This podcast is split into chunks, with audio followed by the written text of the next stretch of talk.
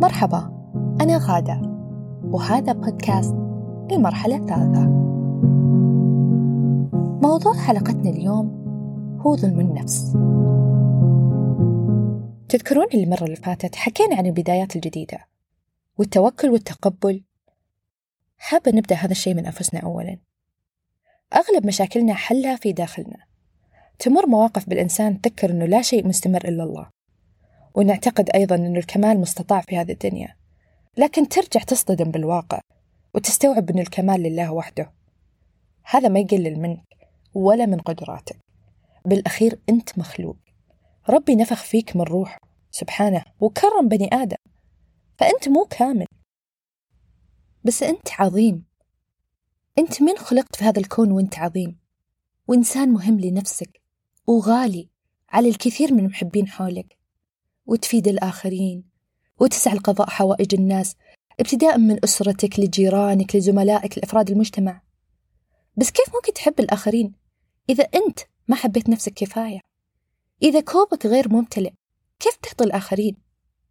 وإذا قلنا أنه ما عندك كفاية لكن مصر تعطي وتقدم للآخرين وتعطي وتعطي اللي حولك من أصغر دائرة إلى أكبر دائرة اللي هي المجتمع. ليش تنتظر أنه يردونها لك؟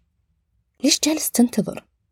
وفي الأخير تجلس تندم على ما فعلت وتتوعد نفسك أنك ما تعيدها عشان ما تشعر بالشعور السيء الإحباط الخذلان اللي هو شعور مزعج شعور مؤلم فعلا. عادة أغلب التصرفات هذه أساسها يكون احتياج الاهتمام احتياج الحب. عشان أبغاهم يحبوني عشان أحتاج حب عشان أحتاج أحس بالاهتمام. طيب وانت إيش ناقصك ما تحب نفسك؟ أليس حب الناس ينبع من حبك لنفسك؟ أمانة تأمل الناس اللي تعرفهم. الناس تقدر اللي يبحث عن الحب والاهتمام؟ ولا اللي حاب نفسه ومستثمر فيها ويطور من نفسه ويعرف أنه نفسه غالية ووقته ثمين وجهده كذلك؟ وفارض حدود صحية بينه وبين الناس. لاحظ كيف أنه مسألة حب الناس له وإرضائهم على حسابه مش مهمة عنده. حب الآخرين كان فيه ولا ما فيه ما يغير من قيمته شيء. ركز على نفسك حب روحك حب نفسك املأ نفسك بالحب. بعدين لما يملأ الكاس وسع الفايض. يصير وقتها حبك من سعة ما تنتظر مقابل. يطلع من القلب ويوصل للقلب. أما لو كان جاي من نقص يجي يوم يجيك خذلان إحباط. ليش ما بادلوني نفس المشاعر؟ ليش ما ردوها لي؟ وكأنك تعمل الشيء اللي أنت على بالك طيبة وذوق منك. ولكن بالحقيقة أنت تشحذ حب من الآخرين. ما عطوك اللي تبغى. فتقوم تعطيهم وتعطيهم وتعطيهم ظنا منك أنه يوما ما راح يحسون ويردونها لك. لا مش كذا تمشي الحياة وعمر الاهتمام ما يجي بطلب عليكم أنفسكم. قالها ربي سبحانه بالقرآن الكريم. إن الله لا يغير ما بقوم حتى يغيروا ما بأنفسهم. فخلونا نركز على أنفسنا لأنه أساس التغيير. نعطيها اهتمام وقت راحة حتى دلع. دلع نفسك دلل روحك. ضروري نعامل أرواحنا بطريقة منصفة إحنا ظالمين أنفسنا كثير. بنفس الوقت نخاف نظلم عباد الله من خطورة الظلم وعظمته. سبحانه وتعالى حرم الظلم على نفسه. فليش تظلم نفسك؟ تظلم روحك. بأنك تقول إيه وأنت ودك تقول لا وتضغط على نفسك عشان أشخاص هم أنفسهم ما يضغطون على أنفسهم. ليش نعمل كذا؟ لوين حابين نوصل؟ تعرف آخرة الطريق هذا إيش؟ جسمك وروحك وعقلك بيجيهم وقت يصيرون مستنزفين حرفيا. أبسط الأمور ما راح تقدر تسويها لنفسك أمور أساسية بيومك من كمية الاستنزاف اللي فيك على مر السنين. ما أتمنى لأحد يحس بالشعور هذا. شعور إن جسمك يخونك. ما عاد فيه طاقة. ما عاد يقدر يساعدك. من كثر ما أنت خنت روحك. أنا خنت روحي. ضغطت عليها وأجبرتها تجامل. وأعمل وأسوي لأنه كذا الصح. كذا تربينا. كذا لازم يصير. كبري عقلك. حتى لو أخطأوا بحقك الآخرين.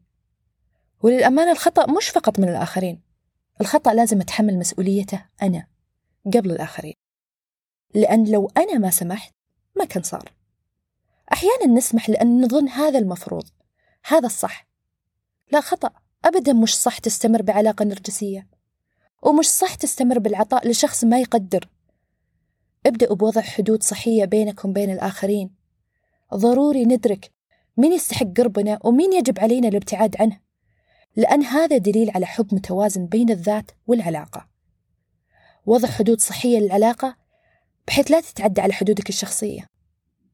ترى ممكن تظهر لديك مشاعر تأنيب لأننا أبعدنا أشخاص ذو تأثير سلبي علينا. لكن في الحقيقة إحنا ما دفعناهم خارج حياتنا. إنما هم رفضوا دعوتنا للتواجد فيها ضمن علاقة صحية خالية من الانتقادات السلبية وقلة الاحترام والاعتماد الكلي. مهم جدا يكون عندنا القوة والقدرة على التعبير عن ذاتنا ومشاعرنا واحتياجاتنا بدون الخوف من الخسارة. ونكون قادرين على استقبال المحبة والدعم بدون الخوف من فقدها. حتى نظرتنا للعلاقات تصير من منظور أوسع لأن هي إضافة لحياتك وليست كل حياتك. ونتقبل أنفسنا بكل تفاصيلنا اللي عجبتنا واللي مو عجبتنا. وما نحاول نجذب الانتباه أو نبني دور مش دورنا بس من أجل استمرار علاقة أو جذبها. وما نتعلق بأي علاقة مهما كانت. وننهي أي علاقة سامة تضرنا أو تسحبنا للقاع أو تجعلنا غير صادقين مع أنفسنا. في تمرين جدا رائع. يا ريت لو تجربوه أنت لما تتذكر نفسك وأنت طفل عادة تتذكر نفسك بأي عمر؟ طب ابحث عن صورة لك بهذا العمر بالذات وتأملها. أنا حاب أنك تهتم بهذا الطفل. لأن هذا الطفل هو أنت. أمان عليك ما راح تهتم فيه أكثر من اهتمامك لنفسك الآن؟ مع أنكم نفس الشخص؟ أعتقد أنك راح تهتم لعقله وتختار وتهتم لنوعية الأفكار والمحتوى اللي يطلع عليه اللي موجود في وسائل السوشيال ميديا. أعتقد أنك راح تنمي عقله بالكتب. أعتقد أنك راح تشوف إيش مهاراته وإيش يحب يعمل وتنميها. أعتقد أنك راح تهتم بصحته ونوعية أكله وإنه يشرب موية كفاية. أعتقد أنك راح تخليه ينام وقت كافي عشان يستريح عقله وجسده ويقدر ينجز بكرة بنشاط أكثر. أعتقد إذا غلط بتواجهه وبتعلم الدرس المستفاد وتسامحه بكل سهولة بدون جلد ذات يستمر لأسابيع وشهور وممكن لسنوات. أعتقد أنك ما راح تسمح لأحد يعتدي عليه بحرف مش بس بكلمة.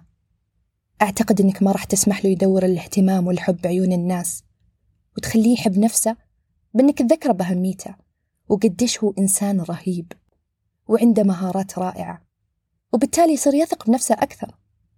أعتقد أنك راح تهتم بعلاقته مع ربه وتوضح له أنه ما يتعلق بالناس وإنما بالله حتى الشكوى يفضل تكون لله وحده لأنه بيده كل شيء. وأكيد نهاية هذا الطريق بيكون شخص متوازن يحب نفسه وكذلك يحب الخير للآخرين كما يحبه لنفسه. إنسان رائع يضيف الكثير لنفسه وللآخرين. حيكون إنسان أسعد. أنت حتكون أسعد. لأن الطفل هو أنت. طبقها على نفسك الآن وحتشوف السعادة من الاكتفاء اللي بداخلك لأنه ما عاد تتعلق بولا شيء. تعلقك فقط حيكون بالله وحده. وحتشوف شغلك هذا على نفسك حيتجسد ويتجلى في كل مجالات حياتك. من عمل من علاقات من صحة. كل شيء حولك يتغير للأفضل بإذن الله.